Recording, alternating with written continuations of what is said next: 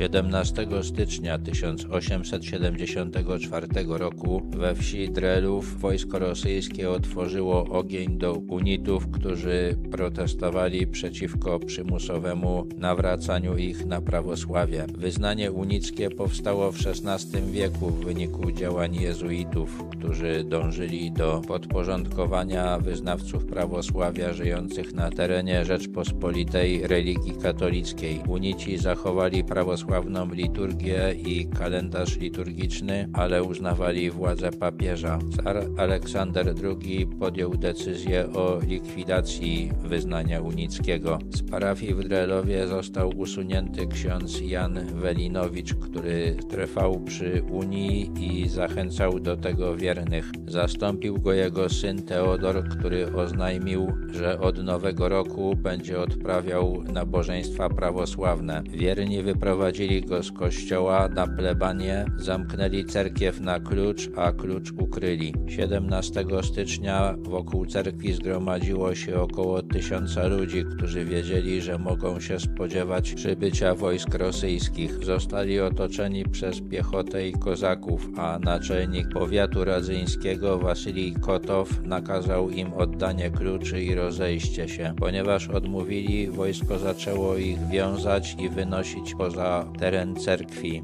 Mieszkańcy stawili opór i żołnierze musieli się cofnąć. Wojsko najpierw zaczęło strzelać w powietrze, a potem przez parkan do ludzi. Ci jednak nie rozproszyli się i śpiewali Kto się w opiekę odda Panu swemu i święty Boże. Padli zabici i część rozproszyła się. Pozostałych Rosjanie trzymali pod cerkwią do następnego dnia, a potem zażądali złożenia przysięgi na wierność prawosławiu. Gdy mieszkańcy Drelowa odmówili, zostali wychłostani na hajkami. Zastrzelonych i zmarłych w wyniku chłosty pochowano od razu, a mogiłę zrównano z ziemią. Od kul zginęło 13 osób, a od nachajek 9.